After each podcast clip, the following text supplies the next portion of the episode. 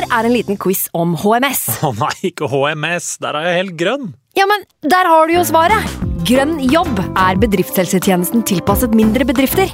Våre HMS-eksperter hjelper mer enn 8000 bedrifter over hele Norge med alt fra lovpålagte HMS-krav til pålegg fra Arbeidstilsynet. Få på plass bedriftshelsetjeneste på grønnjobb.no. Hallo? Jeg kommer fra Oslo politikammer. Ine Jansen er purk. Er du purk? The motherfucking bitch. Alt jeg vil, er å finne ut hva som skjedde med mannen min. Jon Carew. Er jeg sikta for noe? Iben Akeli. Det er du. Ole So, Lars Berrum og Big Daddy Karsten. Hvem sin side er du på, egentlig? Anette Hoff, Tone Danielsen, Kommer du fra Afrika? Jørnis Josef, Nesten. Kløfta. Trond Espen Seim, Det er synd å si det, men det var feil mann som døde. Purk. Se nå på TV2 Play.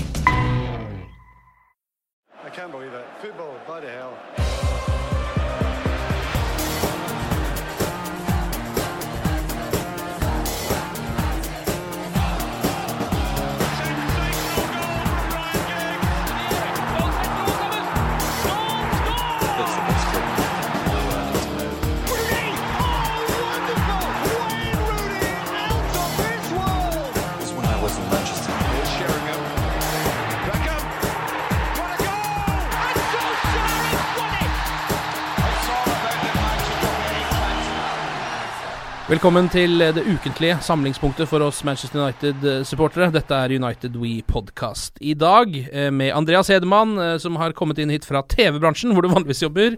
Velkommen. Hjertelig takk for det. Eh, Vi har satt fotballekspert og SoMe-prins Jonas Giæver. Velkommen til deg også. Tusen takk for det. Og fra Uniteds supporterklubb, Manchester United-journalist Bjarte Valen. Velkommen til deg også. Tusen takk. Du kan ta mikrofonen bi- bitte litt nærmere. Det kan vi gjøre. Sånn. Du er jo, Det er første gang du er her. Er Veldig hyggelig å ha deg på besøk. Veldig hyggelig å få bli invitert. Du eh, jobber jo med Manchester United så å si på heltid, gjør du ikke det? I, i England. Jo, det, det gjør jeg. Så Hvordan er den jobben, da? Eh, veldig innholdsrik. Eh, ganske varierende. Eh, to dager er sjelden lik. Eh, den siste uken nå så var det jo eh, tur til Yeovil for, for å se på Sanchez sin debut. Ja. Noen dager etterpå så var vi på VIP-tribunen på Wembley. Det var eh, stor overgang. Og så var vi i- Manchester i går i forbindelse med minneseremonien der oppe. Eh, Så eh, det blir mye farting rundt omkring. Men eh, veldig interessant. Siden det er første gang du er her, så liker vi å bli litt sånn kjent med de vi har her. Hvordan ble du Manchester United-supporter? Hva er din historie? Var det fattern som var i London en tur, var Eh, han var ikke i London, men det var han som eh, sa til meg at, eh, at uh, Tottenham spilte mot Manchester United i en tippekamp på NRK. Uh, og han sa du kan gå inn og se på det laget med røde drakter. Men jeg, jeg var fem måneder gangen, så jeg kan ikke si det at jeg ble sånn hektet med en gang. Men uh, det som faktisk hektet meg egentlig skikkelig, det var faktisk en bok som var skrevet av Ingebrigtsen Jensen som het 'Møte med Manchester United'. Eh, og det var første gangen jeg ble skikkelig kjent med eh, den eh, flytragedien i München i Ja. 58. Eh, og det gjorde inntrykk på meg. Jeg kan ikke ha vært mer enn 7-8 år gammel. Og jeg tenkte det, det er et eller annet her som rører rett i hjerteroten. Og sånn har det blitt siden. Vi skal snakke mer om uh, München etter hvert. Det er jo et jubileum um, i disse dager. Men jeg tenker at vi kan starte uh, med det sportslige. Og begynne med Huddersfield-kampen. En liten gjennomgang av den. Eh, 2-0 til Manchester United på Old Trafford. Andreas, eh, hva tenker du? Nei, jeg tenker at det er en ryddig dag på jobben. Jeg, Eh, jeg så flere United-fans som var litt sånn småsure etter den seieren, og det syns jeg er unødvendig, da. Um, vi tapte mot Huddersfield på bortebane. Ja. Um, ingen kamper i Premier League er enkle, og jeg syns som sagt at det ble en helt fin dag på jobben. En grei 2-0-seier. Veldig viktig Lukaku-mål. Viktig Mm. for han å få det målet. Eh, og så syns jeg vi må glede oss over det, istedenfor å være frustrert over at ja, det lugga litt offensivt, eh, og at vi bare, i veldig gåseøyne her, vant 2-0. Mm. Jonas? Nei, jeg har ikke, egentlig ikke så veldig mye mer å legge til enn en det. Altså Når du kan spille på en 65-70% og fortsatt vinner over et lag som jeg i hvert fall var veldig imponert over i starten av sesongen. da. Nå har jeg, har jeg bodd eh, tre år i Hødesfjell, og de så aldri så bra ut, for å si det sånn. Ehm, som de har gjort nå denne sesongen her. Jeg, jeg tror ikke det kommer til å ende så veldig bra for dem. Jeg tror uh, nå begynner det å lugge noe vanvittig uh, for de Ja. Wagner. Så, og det å slå hvem som helst i Premier League på 70-80 det må sies å være, som Andreas sier, en god dag på jobben. Og, og tre viktige poeng. Og Når man i tillegg ser, eh, ser Tottenham og, og, Liverpool, som begge to kommer til å utfordre United for uh, en topp fire-plassering, spiller uavgjort, og begge avgir poeng. Chelsea som avgir poeng uh, mot Watford, så er det vel egentlig greit å oppsummere med at det er en fin fotballhelg for alle Manchester United-supportere. Mm. Er det noe du vil legge til det, Bjarte? Hva tenkte du om kampen da du satt og så den? Uh, Tidvis minnet det meg litt om de der 1-1, 0-0 mm. som vi hadde i fjor. Ja. Men jeg satt likevel og ventet på at før eller senere så kommer det en forløsende skåring her. Jeg var, jeg var ikke urolig, egentlig. Eh, det var akkurat så, så Andreas og, og forklarte her tidligere. Eh, det ble en perfekt dag for United. Det var poengtap både for Liverpool og Tottenham. Chelsea går på trynet og er skikkelig ute å kjøre om dagen. Mm. Eh, og så var det en, det en, bonusrunde for Arsenal, for å si det sånn. De, de ja. hekta seg på inn i den topp fire-kampen. Men bortsett fra det så var det en helt ypperlig runde for United. Hvis det er én ting jeg kan vil trekke fram, så er det jo hårreisende årets mest soleklare straffe og røde kort. Eh, sånn grusomt ja. å se. Eh, altså, vi har jo snakka mye om at dommerens jobb Det har for så vidt Pep Guardiola også i det siste, men dommerens jobb er å beskytte spillerne. Eh, han beskytta ikke Scott McTominay i den situasjonen. Og det har jo en samlet eh, dommerstand også vært ute og sagt i ettertid at det var straffe. Ja. Eh, så da tenker jeg at Stuart Atwell han må ned i championship, tenker jeg da. Det er litt rart hvordan det virker som at det er vanskelig for dommere å tenke litt sånn ut av boksen, fordi det er jo en ut av boksen-situasjon. Det er en utradisjonell straffe å få. Og da er det akkurat som at dommerne tenker sånn Det der er ikke en vanlig eh, Det er ingen som spenner bein på han, så det der er ikke straff. Skjønner du hva jeg mener? Det, jeg synes det er litt sånn Det virker som det Mens alle sitter jo og ser at han er ikke i nærheten av ballen, og han holder på å drepe han. Kanskje det, man burde blåse på det. det er veldig merkelig, altså. Men det som jeg syns er veldig interessant etter kampen, er det var på en måte en lissepasning til Mourinho, og kanskje han hadde reagert litt annerledes hvis den kampen hadde endt uavgjort. Da hadde han sikkert gått all in for å ta mm. dommeren. Men måten han håndterer det på, syns jeg er veldig bra. Eh, fordi at det går utover Scott McTominay. Det hadde vært Mange andre mennesker ville kanskje tatt en unggutt voldsomt i forsvar og vært veldig sånn eh, Dommerne må beskytte disse ungguttene, men han er, han er, veldig forsiktig med å gå så langt. Han, han sier liksom bare det at OK, han, han begynte kampen litt rufsete, kanskje det var straffe. Eh, mer for ikke på en måte være for overbeskyttende. Antageligvis ser han at Scott McTominay er en veldig bra spiller med stort potensial. Og så kommer du inn på det der med ulike spillere trenger ulike tilbakemeldinger. Ja. Han trenger sikkert et spark bak mer enn en hånd om skulderen, ja. og det har Mourinho sett. At han og tenker at han har såpass sterk syke at uh, hvis jeg presser han litt, så blir han bedre. Nettopp. Ja, nettopp. Mm. Han er den typen som rett og slett trenger å, å, å pushes litt. Grann. Og det, det, der vil han vokse på. Mm. Og det, så, vi, det, var, det var en annen situasjon i kampen òg som burde resultert i gult kort. Uh, før han jeg husker ikke hvem, hvem som fikk det gule kortet til slutt. Han stoppet vel var det Sanchez på midtbane, men før det så hadde han en ganske stygg kroppstakling på på McTominay òg. Ja. Så endte med at, eh, at, Wagner tok han ut. Eh, ja. Det var uh, Billing. Det var det. det, var det. Ja. Philip Billing. Ja. Nei, men jeg syns jo det var Jeg ble jo jeg ble veldig overraska over at McDominay starta, uh, og at Pogba var vraka, rett og slett, til den kampen. Hva tenker du om den avgjørelsen?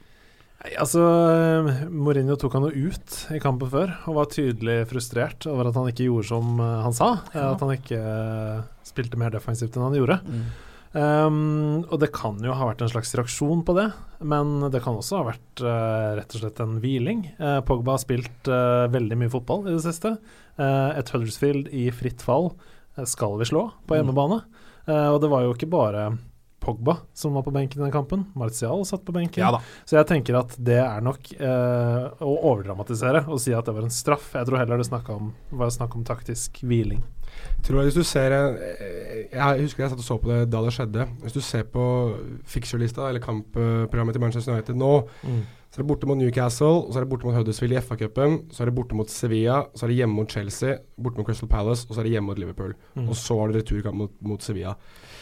Jeg vil tro at i mesteparten av de kampene så skal Pogba spille. Mm Da må du hvile ham på et tidspunkt. Mm. Og da er det perfekt å gjøre det i en kamp som man vinner på 78 da. Mm. Greit nok at det ikke alltid at det har vært normen.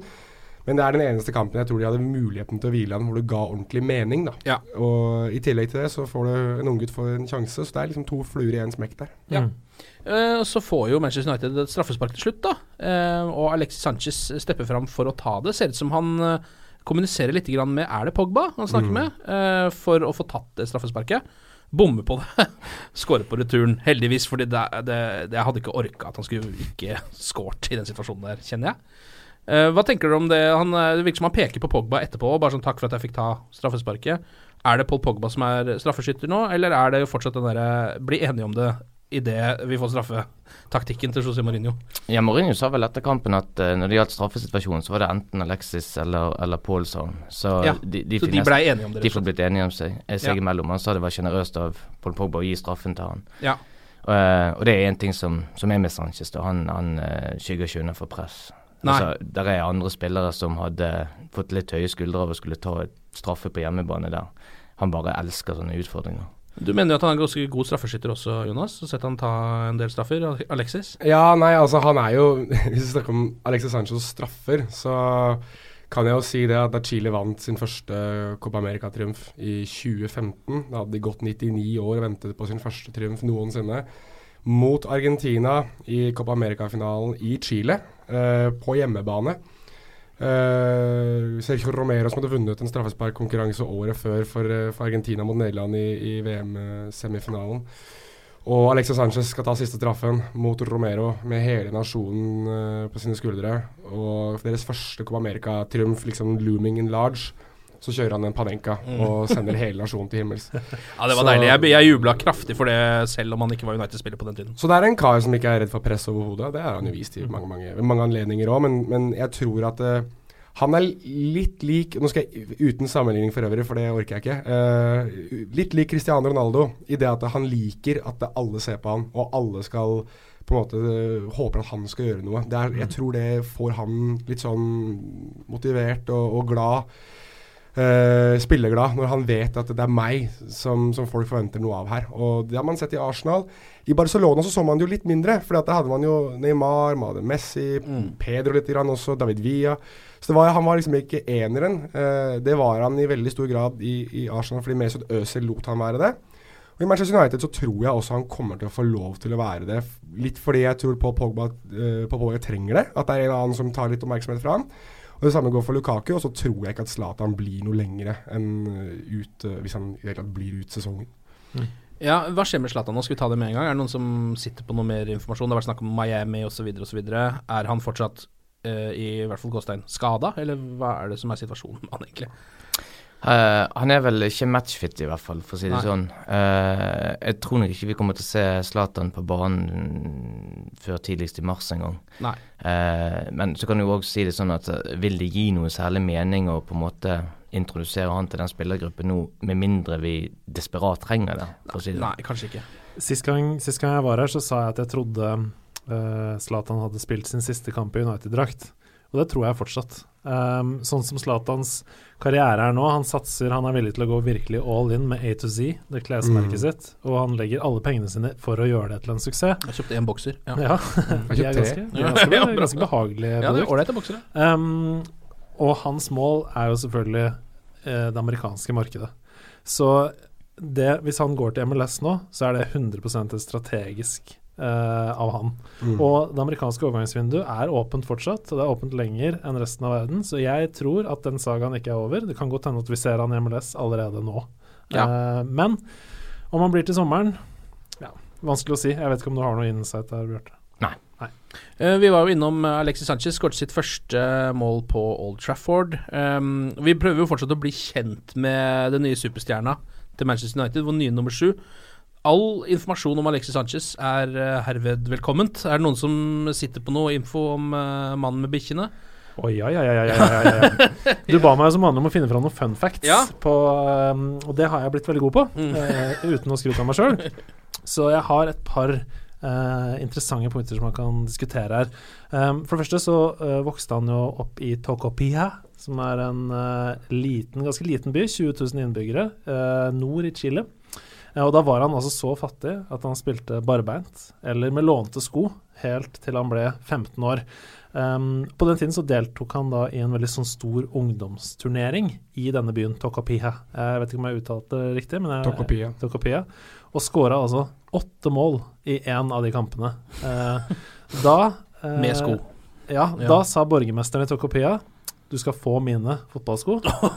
Eh, og i senere tid så er det også da reist en statue av Sanchez i Tocopia. Men eh, det var hans første liksom, ordentlige fotballsko. De fikk han av borgermesteren da, i hjembyen. Ah, det er deilig. Um, ja, Noe å tilføre på det? Eller? Jeg skulle bare si du sa det kom til en statue av han. Han har vel fått Ja. sin egen gate oppkalt etter seg der nede òg. Ja, han har det, ja. Ja. Og hvis ikke, hvis ikke det er helt feil, akkurat den kampen som du refererer til, der tror jeg òg han spilte faktisk mot noen som var to år eldre enn han. Mm. Bare for å sitte det hele ditt Det- perspektiv. Det, Det, er det, det er ganske spesielt, altså. Ja, altså, han ønsker jo også Han har uttalt at han ønsker å bli skuespiller etter fotballkarrieren. Eh, så det lover jo godt for oss ved eventuell filming på Mm. banen. Hei! Da fikk du den, da. Um, han legger jo også ut masse videoer av hundene sine. Mm. Det, på, på kampen sist så var det et stort banner som Som ble tatt ned. Ja, som ble tatt ned, men som ønsket både Alexis Sanchez og da Atom og Humber, hans hunder, velkommen til Manchester. Um, og de videoene som han legger ut av, av de hundene sine, de avslører kanskje noe om musikksmaken hans, som jeg ikke er helt sikker på om er kosher. For her er bare tre av de videoene. Den ene har Céline Dion med 'My Heart Will Go On'. Og det er også, det er også stillbilder av hundene som går i sånn Ken Burns-effekt over uh, videoen. Eh, og så er det James Blunt, 'You're Beautiful', den andre videoen. Og så er det Phil Collins med 'You'll Be In My Heart'. Ja, der har vi den. Han kjørte vel også den der gode gamle 'There's No Easy Way Out' uh, da han skulle fra Rocky 4. Ja, ja, da han skulle Mm. sette seg på flyet til Manchester fra Mm. London.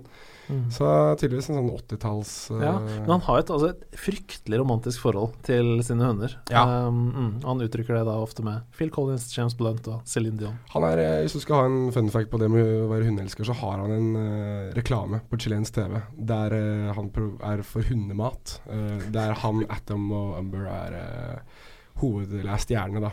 Hvor liksom det er 'Dette er meg, jeg er Alexis. Dette er Atom, dette er Amber. Og sånn er det å være dog lover. Og så løper hundene av gårde og leker er leker og koser seg. Så han er eh, han, han, er en, han er en skrue, og det der du sier om at det, det å bli skuespiller, det, det er en um, For han var i Udinese, eh, så er det et intervju uh, med han da han er veldig, veldig ung. Da han sitter og skal liksom vise hvordan, hvordan han er skuespiller. da Og han er, han er veldig karismatisk og han er ganske morsom.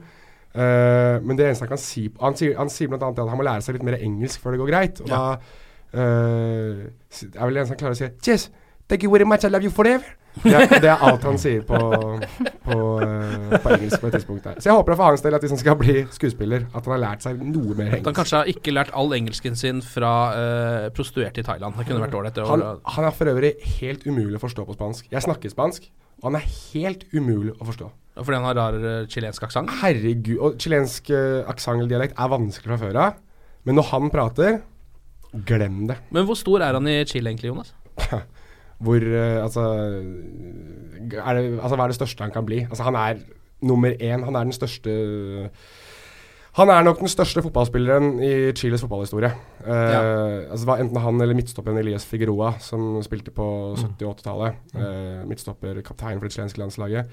Etter at Chile vant de to Copa America-titlene og gjorde det ganske bra i VM, og denne gullgenerasjonen med han, Arturo Vidal, Geir Medel, Claudio Bravo uh, osv., osv., så, videre, så så har han vært den store ledestjerna, vært liksom den laget har samlet seg rundt.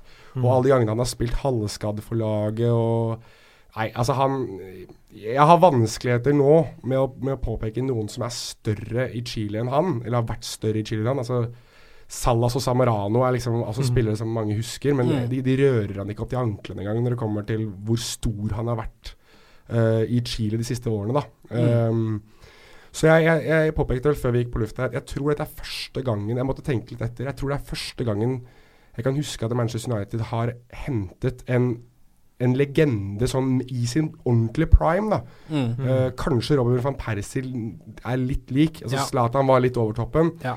Men, men jeg kan ikke komme på noen andre som er i like stor fatning da, som det Sanchez er i hjemlandet sitt uh, akkurat nå. Radamel Falcao var veldig nære, men han var jo da småskala da han kom. Mm. Har du noe innsikt på uh, Manchester United sin posisjon i Chile? Er, de er store. Ja. De er veldig store i, i Chile, veldig store i Latin-Amerika generelt. Um, og det har jo også vært noe som de har snakket om i Chile, at nå har de endelig en representant i Manchester United. Mm. Ja. For, for det har vært tre chilenere innom klubben, det er to jeg ikke husker. Det var en som var prøvespiller og som gjorde veldig bra i en kamp, og så ble han ikke signert. Uh, I 98 eller 99 eller et eller annet sånt nå. Og så var det da Angelo Enriquez, som, uh, ja, han unggutten som var Ja. innom, som spilte vel én treningskamp uh, Mm. i Sverige, vel, mot AIK eller noe sånt, og da scora han.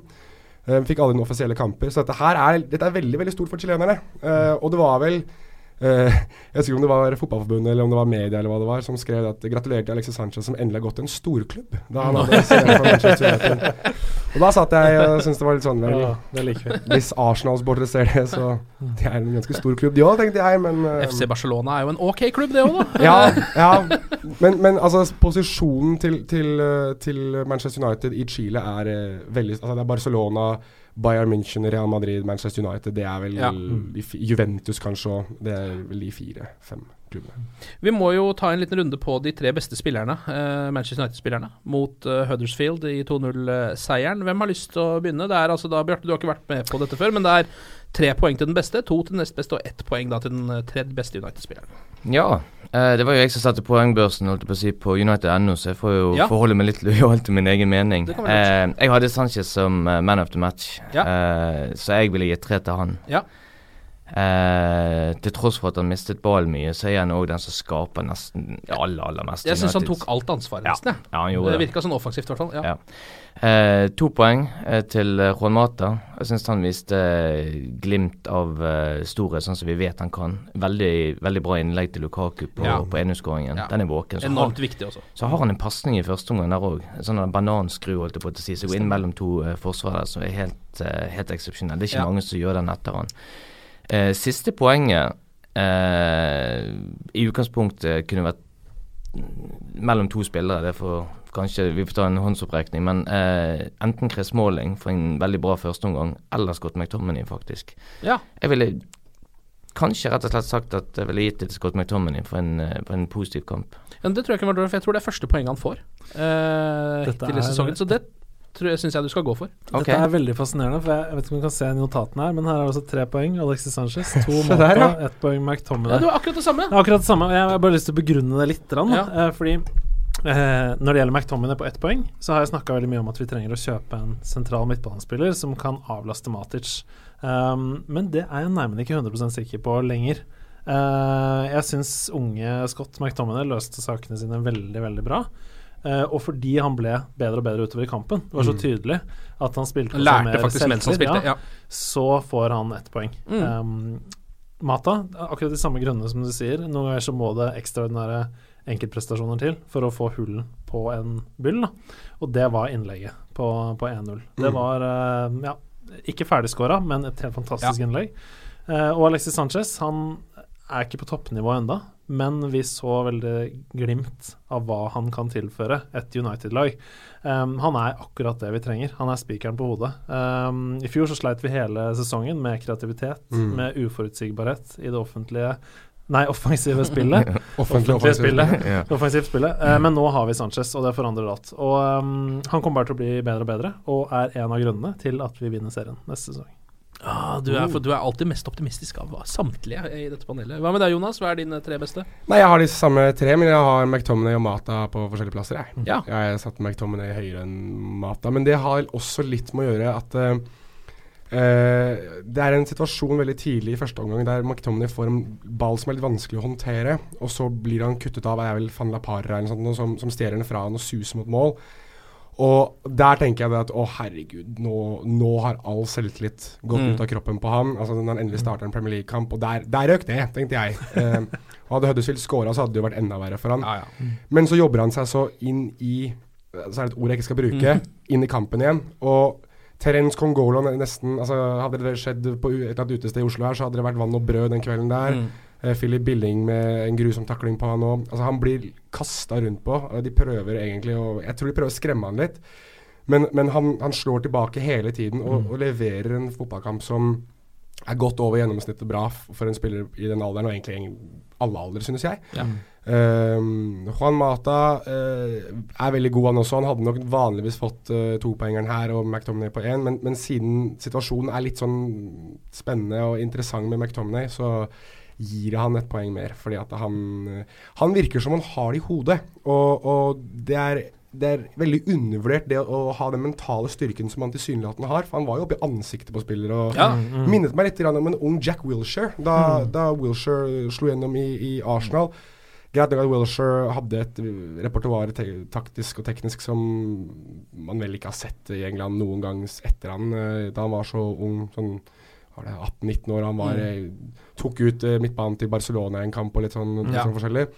Men, men det var det at når Wilshere ble tatt, så var det rett opp i ansiktet på spillere for å si at det her er ikke greit, og jeg er sjefen på den midtbanen her. Og Mm. McTomney gjorde litt det samme. Og det er, litt, eh, det er kult å se at spillere tør å gjøre det. Det minner litt om Darren Fletcher, blant Mm. annet, som, eh, Ja.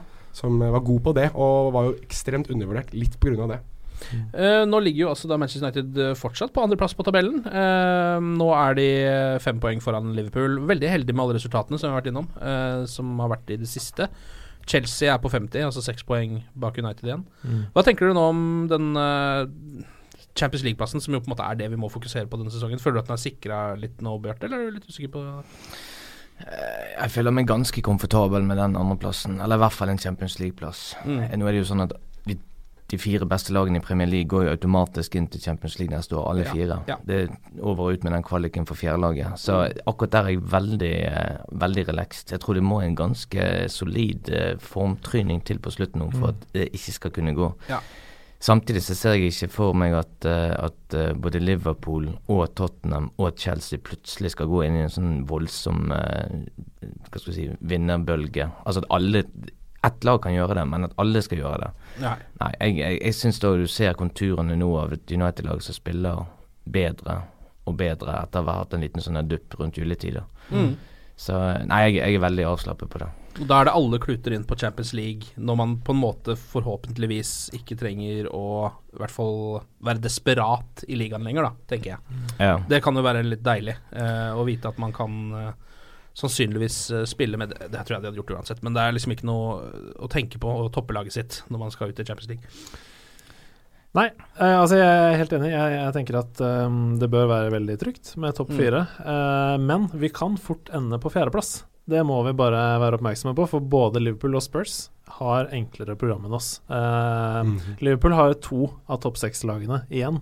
Vi skal møte alle, bortsett fra Tottenham, som vi nå møtte og tapte. Ja. Um, så vi, uh, vi har nok det tøffeste programmet uh, av de som er igjen, sammen med uh, Chelsea. Men altså, Conte mister jobben, og, så det, det, de har jeg avskrevet for lenge siden. Ja. ja. Så, men vi risikerer å komme på fjerdeplass, tror jeg. Ja. Det hadde, jeg kjenner jeg at jeg ikke bryr meg så mye om. Selv om det har vært deilig med den andreplassen, bare fordi at det å, nå som City er så gode, så det å være nest best virker som eh, Eller virker som litt, at det er litt prestisje i det, faktisk, syns jeg nå. Ja, den, det var som Mourinho sa, det er en egen liga bak City, på en måte. Ja. Om å komme Mm. Da vinner man den ligaen, så er det jo Ja. også litt Det er litt deilig, det òg. Ja. Det er jo 60 år siden München-ulykken. Eh, Du var på minnesmarkeringen, Bjarte. ja. Hvordan, hvordan var det? Var det, var det følelsesladet?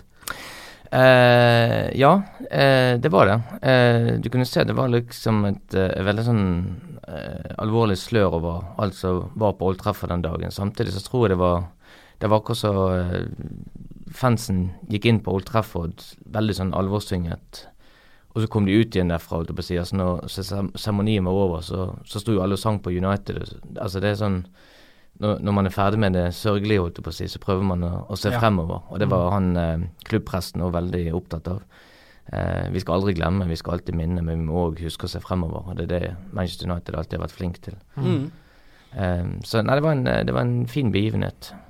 Hva, hva tenker dere at eh, denne tragedien, da, som jo har vært med på å påvirke hele historien til Manchester United, og som jo også gjorde at du ble Manchester United-fan, fan, Bjarte, hva mener du at den betyr nå, i 2018? Det er 60 år siden. Oi, her har jeg veldig mye å si. Jeg Ja. håper det er i orden. Det er i orden. eh, jeg skal prøve å fatte meg i korthet likevel. Men um, jeg mener at det betyr veldig masse i 2018, fordi det er, um, i hvert fall sånn som jeg ser det, første gang klubben tar det 100% på alvor. Um, det har dessverre vært en kultur i United om å ikke snakke om det som skjedde, men i stedet skyve det under teppet, kalle historie for historie, som har ført til at mange av de overlevende ikke har følt seg ivaretatt etter det som skjedde. Eh, og det er ikke unikt for Manchester United. Det samme skjedde i veldig mange andre tilfeller. Så, og det var en helt annen kultur, så det er galt å liksom holde fortiden mot eh, fortidens standard, da, mot Ja. nåtidens. Men likevel så, eh, så er det viktig å nevne det for å få satt det i perspektiv. Og det er spesielt to konkrete tilfeller jeg tenker på. og det Rett etter at den tragedien skjedde, så var det jo flere av spillerne som ble erklært fotballinvalide. Eh, som ble da kasta ut av leilighetene som de bodde i, som tilhørte Manchester United. lønn ble kutta, oppfølging ble kutta tvert. Eh, de fikk rett og slett beskjed om å, om å klare seg på egen hånd. Um, og dette er spillere som fikk uh, livene sine ødelagt mens de var på jobb for Manchester United.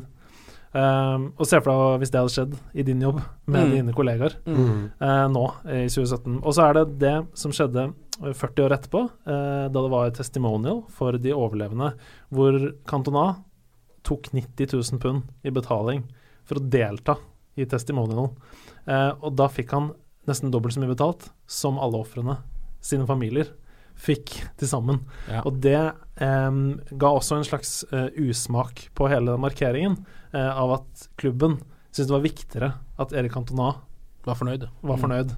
enn at familiene til de overlevende var fornøyde. Så Derfor så er det så viktig at det tas ekstremt på alvor nå, syns jeg. Mm. Og det er veldig godt å se da, at det faktisk gjøres også. Uh, mm. Men hvordan forholder man seg til det som uh, norsk Manchester United-supporter? Fordi dette her er jo noe som skjedde i Manchester. Det var lokale gutter som døde, Uh, Mm. som har familie som fortsatt bor der. Mm. Der er det jo gått inn på byen um, og lokalsamfunnet der, og preger det sannsynligvis fortsatt i dag, vil jeg Ja. tro. Mm. Ja. Mens som nordmann, sånn som jeg er, så syns jeg det er vanskelig å hive seg opp i det. Jeg syns det eierskapet, den sorgen, tilhører uh, Manchester, på en måte. Uh, Jeg er Manchester United-fan, jeg, jeg er ikke fra Manchester. Det, jeg får alltid litt avspark hver gang jeg ser en Liverpool-supporter har noe Justice for the 96 eller noe Hillsborough-greier også, som, er, som bor uh, f.eks. i Moss. Mm. Jeg får litt sånn Det føles litt poserende. Du tar en sorg som ikke er din. Mm. Er det, skjønner dere hva jeg mener? Eh, ja, det gjør jeg. Eh, men bare for å eh, gå litt videre på det som vi snakket om i sted. Uh, jeg tror det å, å, eh, å kjenne til historien, uh, og der Manchester United kanskje som klubb har grunn til å skamme seg egentlig for måten de behandlet spillerne på i etterkant av ulykken. Jeg tror det er veldig viktig for identiteten både til supporterne og til klubben at man, at man kjenner til hele den historien der. Og at man nå i ettertid får frem disse historiene der. At, at det der er ting som ikke har vært håndtert veldig bra av Manchester United som klubb. Eh, og så må jeg få si, holdt jeg på å si hvis, jeg, hvis jeg kan være så eh, freidig i gåseøynene eh, Vi har jo brukt mye ressurser på å skrive om dette i United-supporteren og på United.no. Eh, og da er det én person i særklasse som har vært helt enestående i sin dekning av München-ulykken år etter år etter år etter år. Eh, og det er redaktør Lars Morten Olsen. Hvordan han hvert eneste år klarer å finne nye vrier, nye vinklinger, snakke med familien til disse spillerne. Jeg vet ikke om noen annen journalist som har kommet så tett inn på så mange historier. Og det er ikke noe glansbilde han tegner av det som har skjedd i ettertid. Han, han forteller det akkurat som det er. Mm. Eh, hvordan eh, eh, f.eks. Eh, Jimmy Murphy som måtte overta United når Matt Busby var på sykehuset i, i, i München. Eh, hvordan han måtte håndtere det, hvordan spillere måtte håndtere ting. Eh, mange av de jo gått bort, det er jo bare to stykker som lever nå, som Bobby Charlton og Harry Gregg. Eh, men jeg må si de, de historiefortellingene som han byr på der hvert eneste år, de er helt, helt enestående. altså. Mm.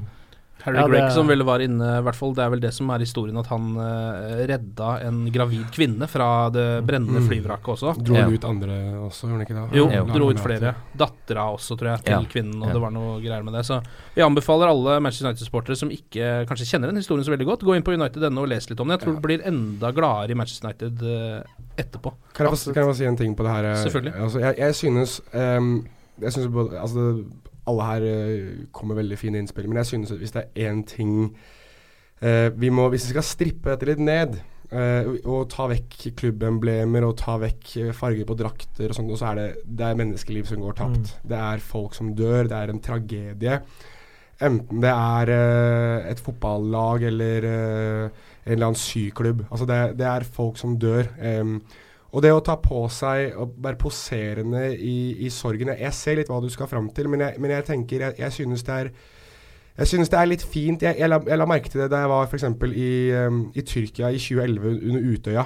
Mm. Så det gikk veldig inn på Vi var mange nordmenn som var der, og det gikk veldig inn på oss selvfølgelig, fordi det var medmennesker. Det var mange kjente noen som hadde gått bort, eller som hadde blitt skadet, eller kjente noen som kjente noen. Og, og det er jo vi som er fra Oslo, og vi som bor i Oslo, vi har, eh, og egentlig i Norge generelt, men spesielt vi som er fra Oslo, vi, vi, får, vi har fått dette her veldig trøkt i trynet, da, og det har blitt en sånn slags uh, sår sak for veldig mange av oss, men det er en tragedie som, som jeg tror alle i hele verden følte på, sikkert føler litt på. Og jeg husker da jeg var i Tyrkia, så fikk, eh, fikk vi veldig mye sånne Vi fikk sånne små kort fra eh, diverse restauranter og barer og hotelleieren vår hvor de skrev at vi kan aldri forstå den sorgen dere går igjennom, men, men vite at vi er her for dere og vi tenker på dere. Og jeg tror at det er det United-supportere og Liverpool-supportere med Hillsborough Uh, Chapecoense-supportere uh, altså, og andre supportere et, etter flyulykken med Chapecoense-laget. Um. Alle mulige slike tragedier, fotballtragedier, sportstragedier generelt sett. Jeg tror hvis det er noe som er uh, litt unisont, og som jeg syns er litt fint med fotball generelt sett, ikke bare som Manchester United-sporter eller som Liverpool-sporter eller hvilket, hvilket som helst lag du heier på, så er det den at det, når alt kommer til alt, så er vi alle sammen mennesker. Mm. Tragedie og sorg er noe vi eh, alle sammen har gått gjennom, og som vi alle kan føle på. Og at man i disse stundene her glemme litt hvilket lag det er du heier på. Mm. mm. Og akkurat som at skillelinjene i norsk partipolitikk ble viska ut 22.07. Det handla mm. ikke om at det var Arbeiderpartiet eller Høyre eller Senterpartiet. Ja. Det var mennesker. Ja. Mm. Så skjedde det eh, etter München-ulykken også. De første som hjalp United ut av den tragedien, var Liverpool. Mm. Og det sier jo alt om at dette handler om, som du sier, mennesker, tragedie, eh, og ikke først og fremst fotball. Men samtidig um, så skjønner jeg veldig godt hva du sier, Ken. Og hvis man syns det er vanskelig å involvere seg emosjonelt i den tragedien Og det er lov! Det er superlov. Og du er ikke noe dårligere fotballsporter av den grunn. 100 lov. Så vil jeg absolutt anbefale, som Bjarte sier her, uh, alt jeg vet om den tragedien, kommer så å si fra Lars Morten. Eh, helt fantastisk journalist eh, som har skrevet fantastiske historier om det. Men også den BBC-produserte filmen 'United', mm. som eh, tar for seg den tragedien på en respektfull måte, syns jeg, eh, med en glimrende David Tennant i hovedrollen. Han spiller jo Jimmy Murphy. Eh, assistenttreneren som på mange måter da, som du var inne på, reddet United ut etter ulykken. Og den ligger i sin helhet på YouTube, blant annet. Så søk opp det. United, eh, produsert av BBC. Veldig, veldig bra. Mm. Nå må jeg ha litt vann, for nå fikk jeg en liten høne i halsen. jeg kan, uh, hvis jeg kan bare skyte inn en liten ting. Uh, når det var 20-årsmarkeringen for, uh, for, Hillsborough, det var før jeg begynte å jobbe i supporterklubben, men da var, jeg, da var, jeg, på jobb for å lage en sak 20 år etter Hillsborough, hvordan har den tragedien formet Liverpool-fansen. Og snakket med ganske mange Liverpool-supportere den gangen der. Og jeg må si det, det var først når jeg egentlig satte meg ned på tomannshånd og snakket med mange av de, at jeg begynte å ane liksom hvordan hele byen virkelig var preget av dette. Eh, og det handlet ikke bare om de 96 eller den nærmeste familien, men tenk på hvor mange som var til stede på den kampen den dagen der. Og hvor mange eh, som har slitt med psykiske problemer i ettertid. Og en av disse Det er jo to eh, sånne støttegrupper for, for Hillsborough-tragedien. Den offisielle som går i regi av Liverpool, og så er det den uoffisielle som står på siden. Eh, og den uoffisielle som står på siden, da, de fortalte jo det at de fikk veldig mange henvendelser fra, fra folk selv den dag i dag så var mm. Nottingham Forest-fans som hadde stått på motsatt side. Mm. Så hadde sett hva som hadde skjedd, men de kunne ikke gjøre noe. Mange av dem liksom eh, følte skyldfølelse på det den dag i dag, at de ikke kunne hjelpe, at de ikke kunne bistå. og Slet med store psykiske ettervirkninger av det. Mm. Og det er når du, når du, på en måte får de historiene veldig tett på, så begynner det å synke inn liksom hva, hva inntrykk dette har gjort. Og det er da, for å gå tilbake på en måte til, til det som Lars Morten har sagt, altså han har jo intervjuet mange av de spillerne som nå har gått bort. Men å få hele den historien, få det hele bildet på det, eh, både hva United gjorde som klubb altså Det var jo andre tider når Hillsborough skjedde. Det var jo det var jo eh, det er jo lenge etterpå. sant? Altså det, det er en helt annen ja, Du kan ikke sammenligne Profesjonalisert ja. så, fotball.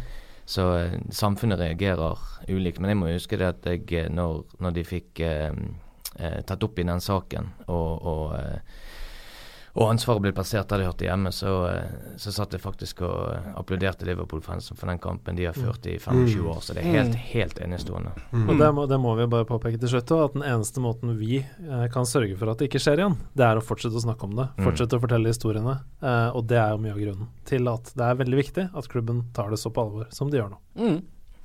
Skal vi ta noen litt sånn andre, litt løsere nyheter? Um, David De Gea, Jonas. Ja. Hva skjer der nå? Eller, eller Real Madrid? Uh, de, nå har vel Peres vært ute og sagt at de Nå er de på ballen igjen.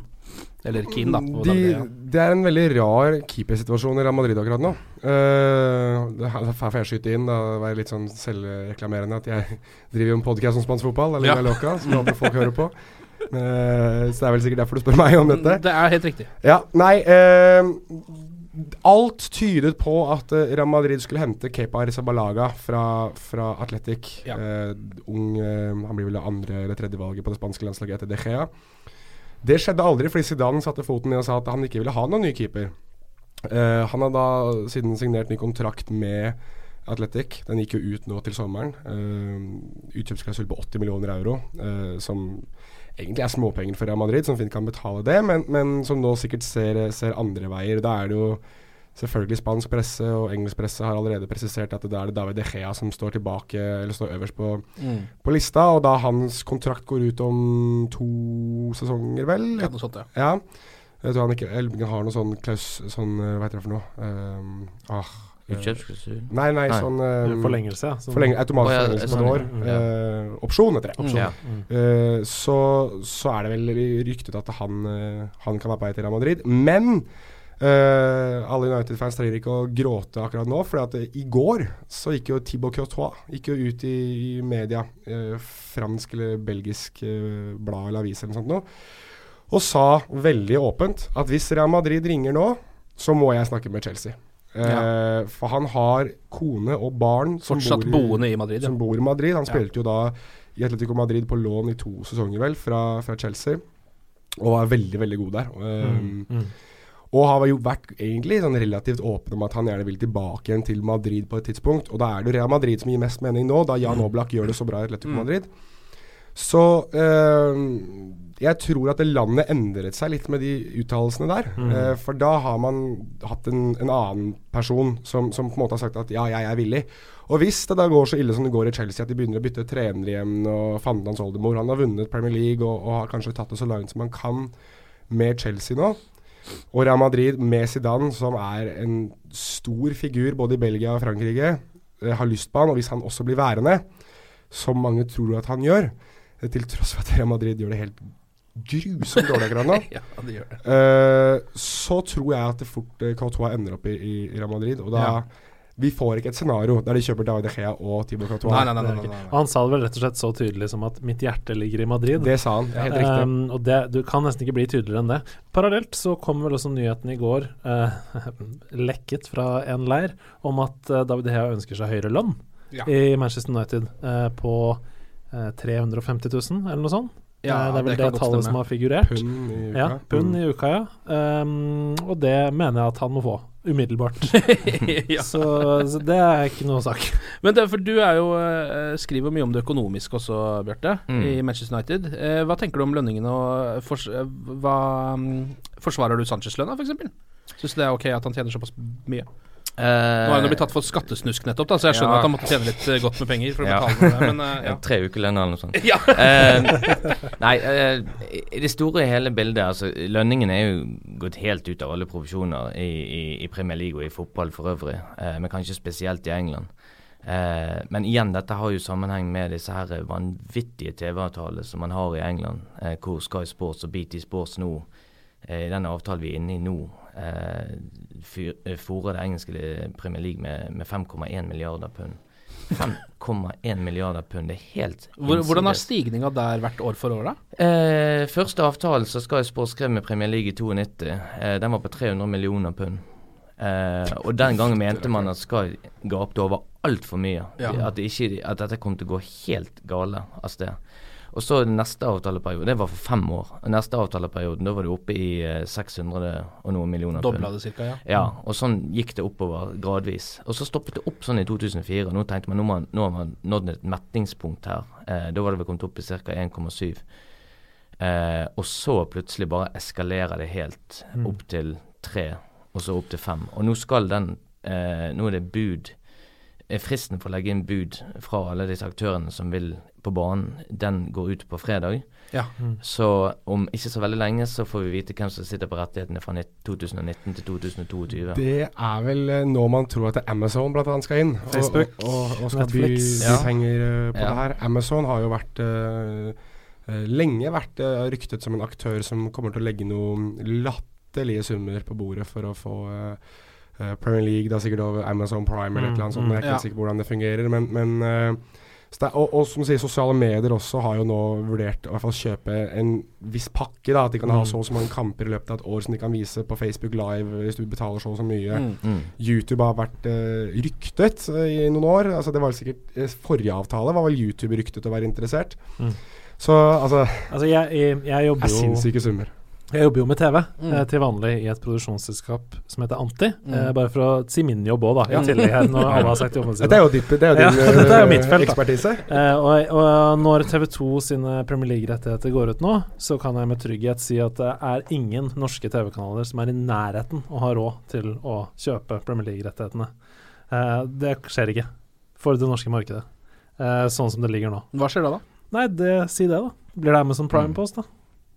Bare ut og kjøpe seg abonnement, gutter. det er Interessant å se. Altså Jeg snakket med en, en, eh, en professor på akkurat dette som har med økonomien i fotball å gjøre, eh, som jobber på universitetet i Solford. Og han ringer til hver gang det er noe jeg ikke får helt til å stemme når det gjelder penger.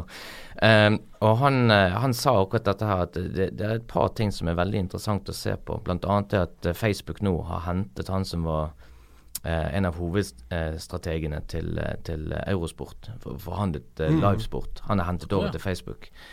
Eh, og han sa det at vi hadde vel en sånn vag formening om at den forrige avtaleperioden var én periode for tidlig for disse sosiale mediene og Mm. Amazon og Netflix og gud vet hvem det nå kunne være. Men nå Mm. kan det være de kommer inn på banen og begynner å pushe. Mm. Men samtidig så vet Premier League òg at det produktet som Sky Sports har levert nå i 25 år, det står bunnsolid, altså. Ja.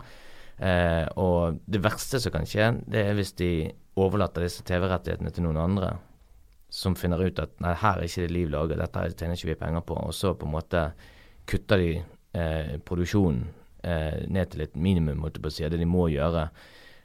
Og bare holde det på en måte altså De, de går liksom for lut og kaldt vann. Er det én ting du kan gi Sky Sports honnør for, så er det i hvert fall at de, de kjører jo fotball non stop. Ja. Eh, Mm. og, men eh, noen bransjeeksperter mener at det kommer til å gå opp enda en gang. Det snakkes om over 6 milliarder pund. Noen de vet ikke hva de skal tro. Men uh, jeg, jeg begynner å lure på hvor, hvor, hvor går dette taket. Ja. Men så, for, for å svare på det som du egentlig spurte om, du snakket om lønninger. Ja. Uh, og da er det en ting som er veldig viktig å få frem, og det er det at uh, Manchester United pga. de store inntektene som de har, så prosentandel av lønnen som går til altså i all hovedsak spillerne, men, men til hele Manchester United som organisasjon, utgjør ca. rett i underkant av 50 i United. Og Det er lavest, det var i hvert fall det siste jeg sjekket, av alle lagene i Premier League. Mm. Ja. Når, man- når man ser på det på den Ja. måten. Så For sam- inntektene er så høye, så blir det ikke så stor del av kaka. Nettopp. Mm. Samtidig så er vi lønnsledende, og det er en veldig fin posisjon for United å sitte i. Sier så mye om den klubbens økonomi, som jo er Det de gjør det. Eh, og, det var noen som spurte meg ja, men er ikke du redd for det at eh, hvis United signerer en avtale med, med Sanchez for 350 000, så skal Pogba opp, så skal Mm. De Gea opp, så skal alle sammen opp. De Gea, ja, han er verd det. Bare til å blå opp Ed Woodward. Mm. Hører du meg? ja. um, uh, og Pogba, hvis han skal ha fornyet avtale, ja. For det er så kommersielt store trekkplastere. Mhm. Men så har du sånne spillere som f.eks. Vi var inne på en ung Scott McTominay. En, en uh, Chris Smalling, en Phil Jones, en Jesse Lingard. De som ikke nødvendigvis stjeler overskriftene. Hvis de går fra Manchester United til en annen klubb, så vil ikke de tjene noe bedre andreplasser. Nei. De har det som plommen i egget i United Mm. der som de er. Så egentlig så, så Det blir bare det at du må være misunnelig på han som tjener litt mer, men du har det fortsatt mm. råd til smør på brødskiva. Korrekt. Ja. Og hvis laget gjør det bedre, så va- va- vanker det større bonuser i, i eh, Champions League, eller Ja. hvis de nå Mm. skulle vinne noe. Så akkurat det med lønnssituasjonen, jeg er ikke så veldig bekymret for det. Jeg liker jo for så vidt ikke utviklingen. Men når du leser regnskapet til United, så, så er det ingen grunn til å få eh, alarmklokkene til å ringe, for å si det sånn. Nei. Hvor stor del av den, altså 5,1 milliarder var vi inne på her, eh, TV-rettighetene. Hvor stor del av den kaka er det som eh, faller til Manchester United, da? Oi.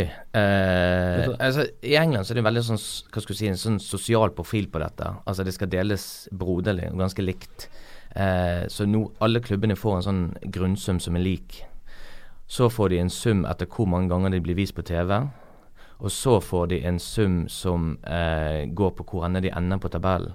Oh, ja, okay. Mm. Og da er det sånn at det laget som vinner, de får en gitt sum. Laget som blir nummer to, får så og så mange millioner Mm, pund mindre. Laget som blir nummer, nummer tre får Altså hver plass nedover Mm. blir Er det rundt to millioner pund, et eller annet mindre verd. Men likevel, det laget som ender sist i Premier League, vil jo fort passere en milliard. Og det er jo sprøtt å tenke på, egentlig. Ja. eh, og det er, jo, det er jo derfor klubber som Bournemouth f.eks. kommer inn på en sånn topp 30-liste på de mest Ja. lønnsomme klubbene i, i Europa. Det er jo egentlig helt hinsides. Når du ser på en stadion som tar rundt 10 000 tilskuere. Ja. Jeg husker det veldig, veldig godt. Um, jeg husker ikke hvem det var som ble linka uh, til en eller annen klubb. Men, men de lagene som var interessert i spilleren på det tidspunktet her, det var Sevilla, Inter eh, Det var en tysk klubb, en Bayer Leverkosten eller sånn, og så var det Stoke. Ja, ja. Og da var jeg sånn Det er ett lag her som ikke passer helt inn. Med all respekt til Stoke-supporter og Stoke. Det er en, sikkert en kjempefin fotballklubb, men det er ikke Inter og Sevilla og Bayer. Leverkosen. Det er Stoke, altså. Ja. Og grunnen til det var jo, som påpekt her, at de har så mye penger. Fordi at engelsk fotball er, er den mest lukrative ligaen i verden. Og når vi snakker om at de skal over seks millioner eh, Eller seks milliarder pund, er ikke millioner, seks Mm. milliarder pund. Um, altså Skillelinjene mellom Europa og, eller, europeisk fotball og engelsk fotball kommer bare til å bli større og større Mm. med årene. Og så kan man sitte og så kan man være sure for at uh, fire av fem uh, eller forsvarsspillere, da enkelte keeper, uh, av de dyreste i verden, spiller i Manchester City, eller den, mest, eh, den som har høyest lønn, spiller i Manchester United. Det er jo fordi de klubbene har råd til det. Ja. Det er ikke noe Altså, alle ser Altså, jeg husker jo, kommer aldri til å glemme Det er siste jeg skal komme med et eksempel. Jeg kommer aldri til å glemme når Marseille spilte ekstremt dårlig uh, i, i den franske ligaen. Så var det vel noen som hadde et banner hvor det sto at enten spiller dere ordentlig, eller så, eller så kan dere sitte og tjene penger på en benk i Newcastle. det, var, for at det, var, det var jo da alle franskmennene spilte den der French Foreign Legion oppe i Newcastle. Ja. For at det var man, man visste at det veldig mange av spillerne som var litt høye på seg sjøl, og som kanskje var de beste på laget, mest sannsynlig kom til å dra til England. Og ikke alltid gjorde det så like bra. Florent Tauvin osv., som Mm. eh, nå har gjort det veldig bra. Ja. Godt bilde. Remi Nei. Cabea ja. Bare for å korrigere meg sjøl litt på den ekstremt bastante uttalelsen om at ingen TV-kanaler har råd til eh, rettighetene i Norge, Ja. så sitter jo ikke jeg i TV-kanalene sine styrer, så jeg, jeg vet jo ikke dette. Men jeg må si at det eneste um, realistiske scenarioet som jeg ser da, uh, for norske TV-rettigheter, det må være med en stor internasjonal eier med mange forskjellige uh, markeder i Europa. Ergo Discovery Networks. Mm. Det er det Mm. eneste jeg kan se for meg at kan kjøpe rettighetene. Eh, og konkurrere med disse Facebook, Amazon, Netflix. Eventuelt så får du et scenario hvor, hvor kanskje TV2 og Viasat da, f.eks. deler. Ja. Eventuelt. Det har jo skjedd i andre land at man har Det vel delt opp. ikke det som kommer med Champions League-rettighetene i eh, Jo, det er vel noe sånt Ja. nå. Det er vel noe sånt nå. det, det er jo en litt sånn hvis du kan, hvis du kan lese noe ut ifra Champions League-rettighetene, for de skal jo fornyes nå til høsten. Mm. Eh, den avtalen i England er jo den desidert største med Uefa. Eh, der betaler BT Sports, som sitter på rettighetene i, i Storbritannia nå, de betaler eh, 899 millioner pund for den inneværende avtalen som går ut til våren. Og de har overført tilslaget på den nye for 1,2 milliarder pund. Eh, så der går det opp med Ja. Hva blir det da? 25 Ja, cirka? noe sånt noe. Eh, og kan du lese noe ut ifra det, hvordan det kommer til å gå med rettighetene til Premier League? Kanskje. Jeg vet ikke. Mm. Eh, det er Newcastle United som er neste motstander for United. Ehm, hvordan er det med dette, det rivaleriet mellom Mourinho og Benitez nå, egentlig?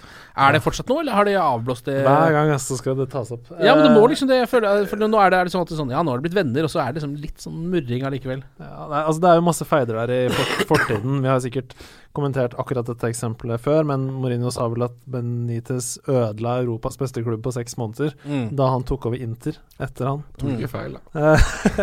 Eh, men det er ikke noe du gjerne sier, kanskje, sånn i forhold til å pleie et vennskap mennesker imellom. Eh, så, så, uh, men de siste med lenger. De siste årene så tenker jeg at uh, ja, dette er vel mer medieskapt. Jeg tror vi ønsker oss et større rivaleri enn Ja. det egentlig er der. Uh, vi møtte Newcastle i november, vi vant 4-1. Mm. Uh, både før, under og etter kampen så behandla jo begge managerne det med respekt.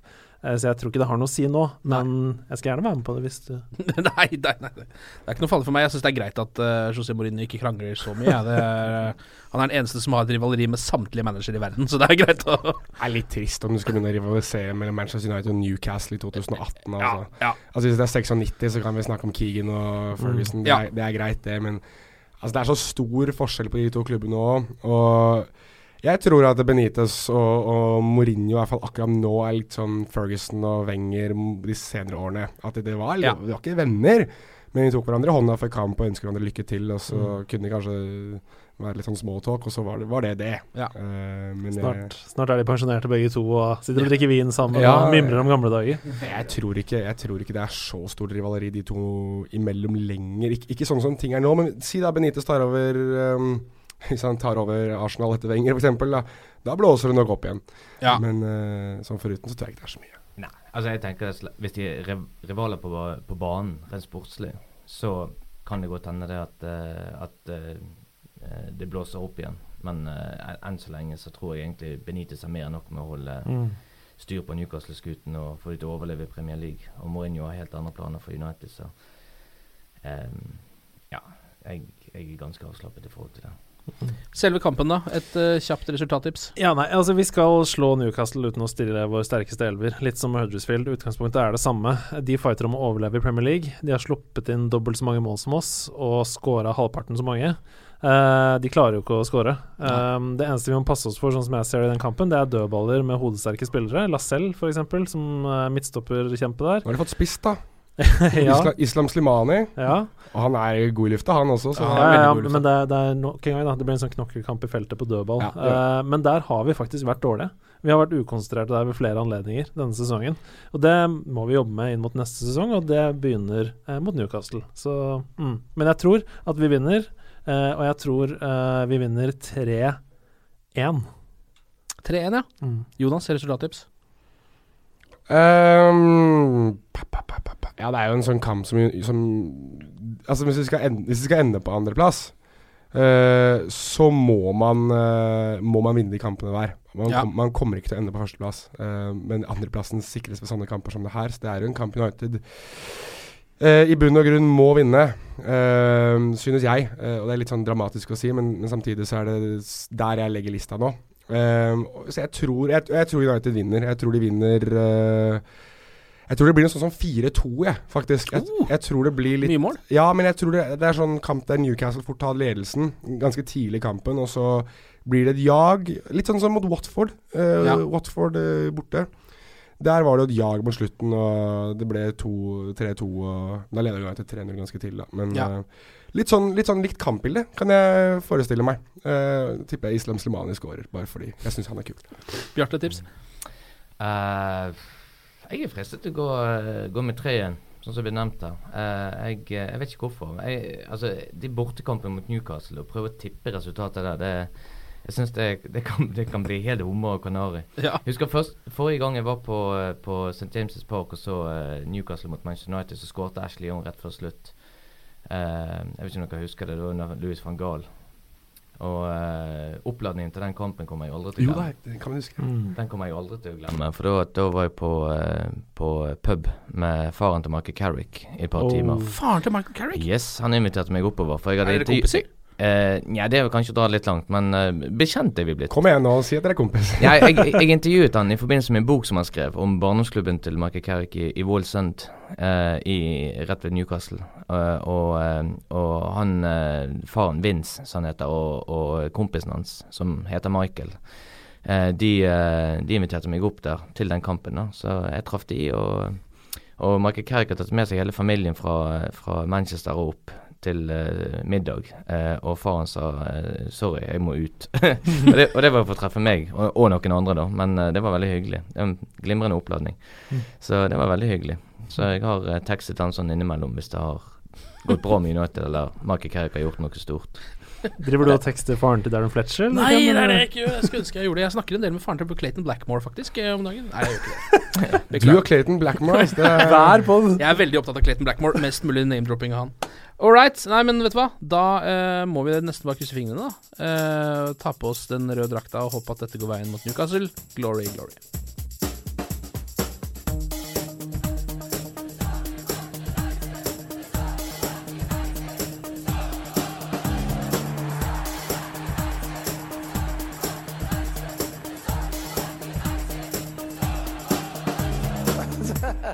Oh, it's true.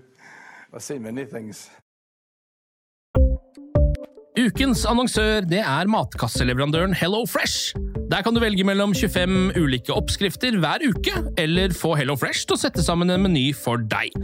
Jeg sparer tid på å handle, oppskriftene er veldig enkle å lage, og så får jeg akkurat det jeg trenger da, til hver eneste rett, så jeg slipper å kaste så mye mat som jeg vanligvis gjør. Det er også litt deilig å faktisk slippe å gå på butikken, ikke bare fordi det er tidkrevende, og sånn, men fordi man ender opp med å kjøpe så mye greier som man egentlig ikke trenger, sånn som fire poser eh, Smash og en kick med havsalt, eksempel. Det er ikke det du egentlig er der for, du er der for å kjøpe, kjøpe middag.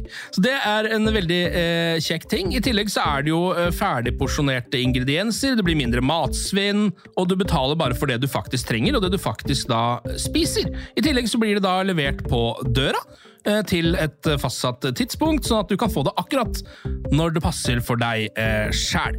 Hvis Hello Fresh høres ut som noe for deg, så har jeg en rabattkode du kan bruke også. Gå inn på hellofresh.no og bruk koden HelloUnited24.